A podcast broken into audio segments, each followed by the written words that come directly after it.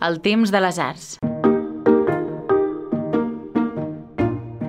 Atapuerca no es podria entendre sense l'aportació de l'arqueologia catalana, avui articulada per l'Institut Català de Paleoecologia Humana i Evolució Social, OIPES, amb seu a Tarragona i molt lligat amb la seva universitat.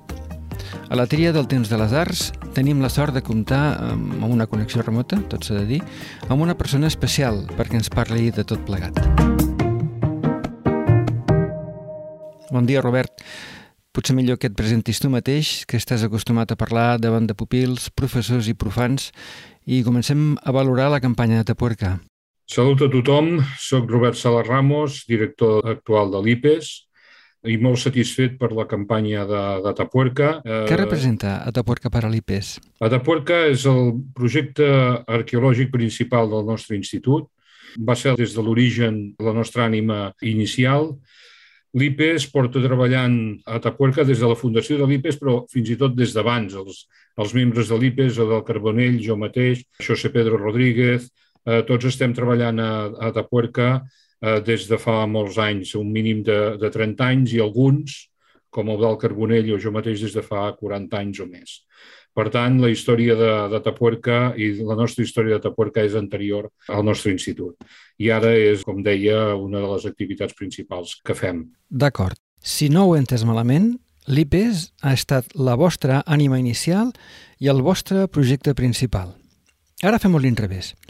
Quina importància té l'IPES per a les excavacions de Tapuerca? L'IPES dona a Tapuerca, podríem dir-ho així, la base del seu personal. Com hem anat veient en els articles, els directors o responsables de les diferents excavacions eh, són membres de l'IPES.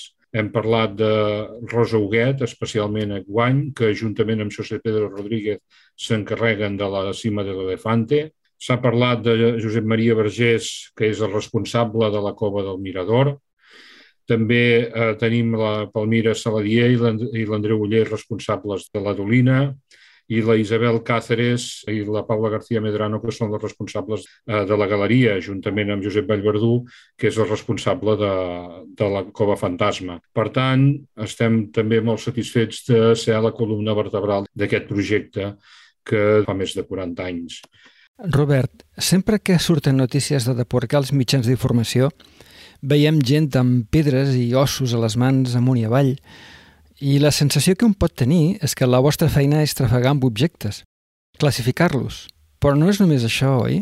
Què voleu saber exactament? Quin repte teniu entre les mans? La nostra recerca és en comportament humà des dels seus orígens, és entorn de l'adaptació humana als diferents espais i en especial als primers humans a Europa, com és el, el, la notícia que ara ens porta aquí, la, la troballa d'una resta molt probablement d'entorn a 1.400.000 anys, està per fer la datació, evidentment ja ho sabem, però per sobre tenim la resta trobada el, dos, el 2009, que tenia 1,2 milions. Per tant, estem considerant una datació entorn de 1,4, com, eh, com dèiem. Tenim els fòssils humans més antics d'Europa i tenim el primer, tenim el segon i tenim el tercer. Per tant, des de fa 800.000 anys, amb Homo antecessor, tots els fòssils humans d'Europa són a Tapuerca. Només una dent, trobada a Orce, amb 1.200.000 anys, és l'únic fòssil a part de Tapuerca que, eh, que podem considerar a Europa. Per tant, és un projecte essencial pel coneixement de l'arribada dels primers humans al nostre continent i de la seva adaptació en aquestes terres. Unes terres que tenen un clima especial, un clima estacional molt diferent del clima d'Àfrica o del sud-est d'Àsia, per tant, comporta una sèrie de, de reptes per a la humanitat que, de fet, eh, deu ser a la base del per què eh, Europa ara per ara és un dels últims espais ocupats per, eh, pels humans. Aquest és el gran repte de, de l'IPES i aquesta és la participació de l'IPES en aquest gran projecte de Tapuerca.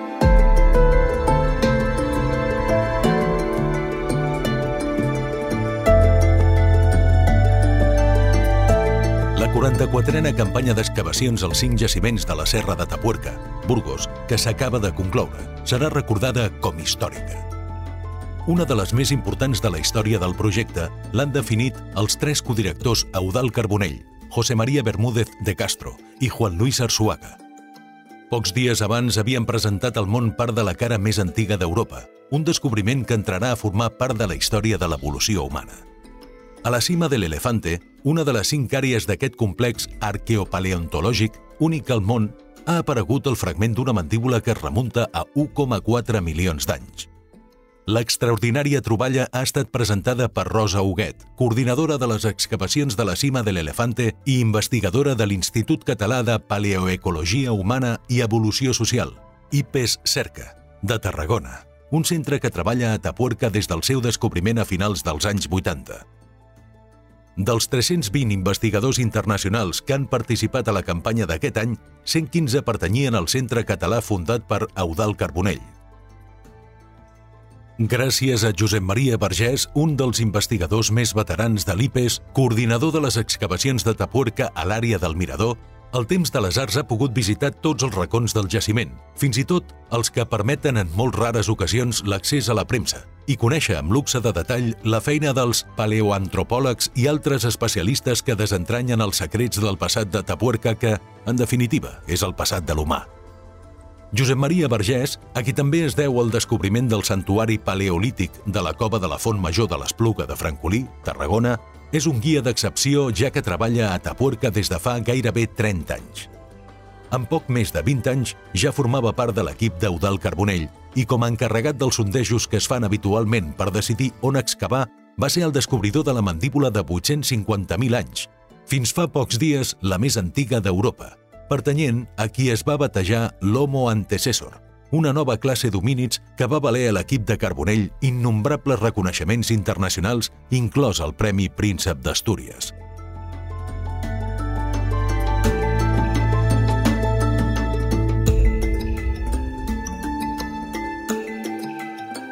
La cima de l'Elefante és una de les coves més riques d'espècimens perquè atreia els ocells i servia com a parany natural per als animals terrestres. La seva estratigrafia es divideix en 21 nivells, dels quals 7 subterranis. Les evidències de la presència de grups d'homínids de fa 1,4 milions d'anys, al nivell 7 de les excavacions, van començar a apuntar-se durant la campanya passada amb el descobriment d'un ascle de quars.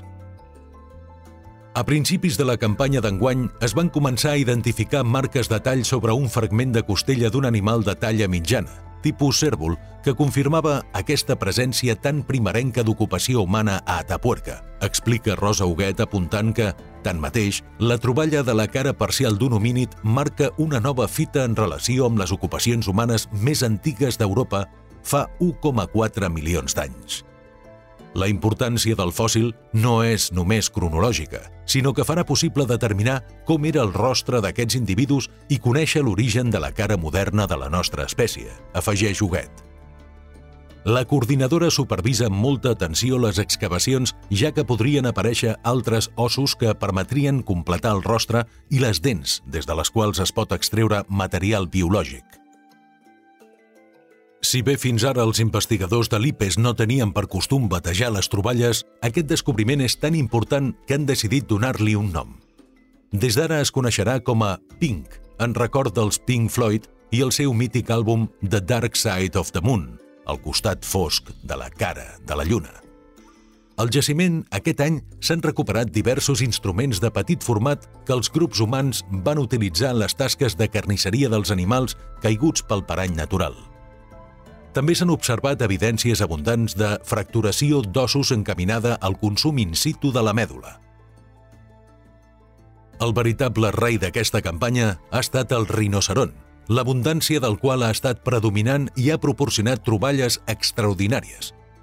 Just per sota d'on l'any passat es va trobar la mandíbula del rinoceron que encaixava amb un crani, trobat 30 anys abans i que actualment està exposat al Museu de l'Evolució Humana, s'ha recuperat la primera vèrtebra de coll d'aquest animal i la seva extremitat posterior en connexió anatòmica i amb l'articulació pràcticament intacta. Els treballs a la cueva fantasma, coordinats per l'investigador de l'IPES, Josep Vallverdú, permeten conèixer la seqüència estratigràfica i els ritmes d'ocupació de la cova per part dels neandertals i els carnívors.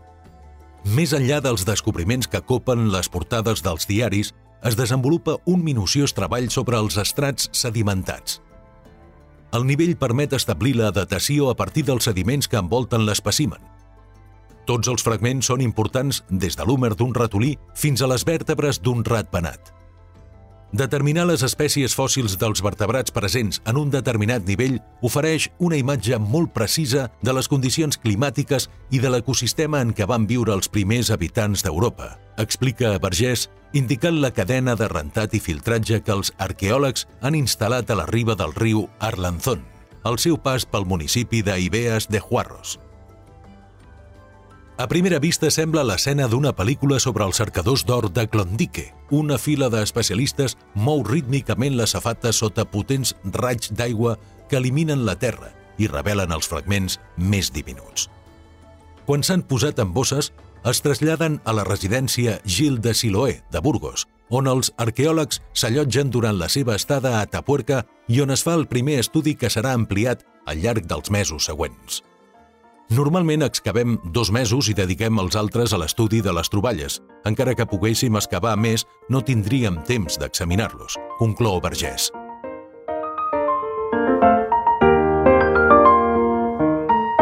Hola, sóc Damià Morós.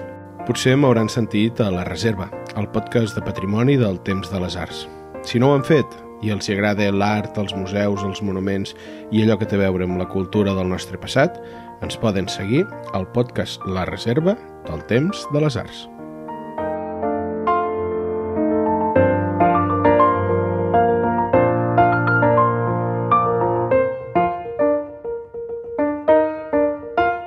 No es pot anar a Tapuerca sense visitar Paleolítico Vivo, una reserva biològica que permet la vida i la conservació d'algunes de les espècies que vivien fa 10.000 anys en aquests paratges. La reserva està vinculada a un projecte de reintroducció a l'entorn de Tapuerca de bisons i cavalls de Perselbaski, tots dos en perill d'extinció. L'objecte principal del projecte és la conservació de la natura, de les espècies amenaçades i del seu equilibri amb l'humà, dins la defensa i l'estudi dels ecosistemes, expliquen Eduardo Sardà i Estefania Muro, fundadors i directors de Paleolítico Vivo, una experiència per no perdre's. Hem aconseguit que l'Eduardo Cerdà i l'Estefania Muro, els responsables de Paleolítico Vivo, ens facin 5 cèntims del que representa la seva proposta creada per ajudar a entendre el jaciment de Tapuerca. Aquí els teniu. Paleolítico Vivo es por encima de todo una experiencia, una experiencia que trata de acercarnos a la prehistoria de una manera directa, conociendo a sus propios protagonistas de una manera, pues eso, personal, de una manera en la que los sentidos pues juegan un papel muy importante.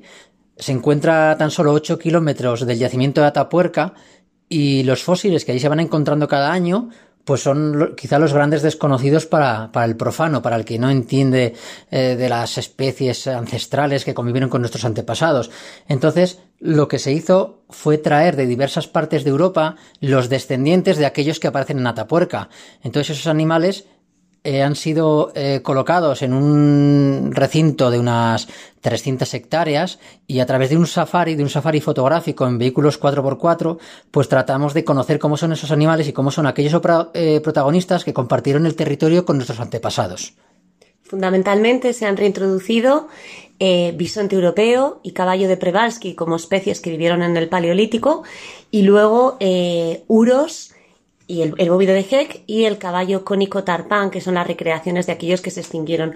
Todos ellos juegan un papel muy importante porque nos ayudan a entender cómo funcionan los ecosistemas, ya que al final están ocupando un nicho ecológico que, que quedó vacío.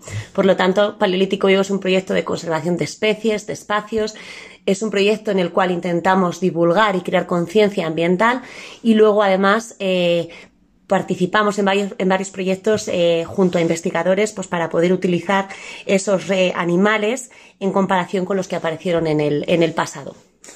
Junto a los animales se crearon dos poblados que recrean poblados de hace medio millón de años o de hace 15.000 años, ¿no? Dependiendo un poco de dónde nos situemos.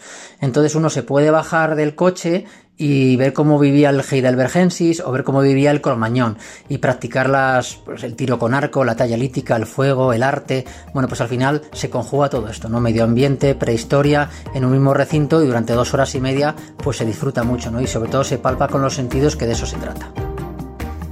I fins aquí la tria d'aquesta setmana que esperem que us hagi agradat. I mentrestant, podeu visitar la nostra revista online, tempsarts.cat, i compartir aquest podcast a les vostres xarxes socials.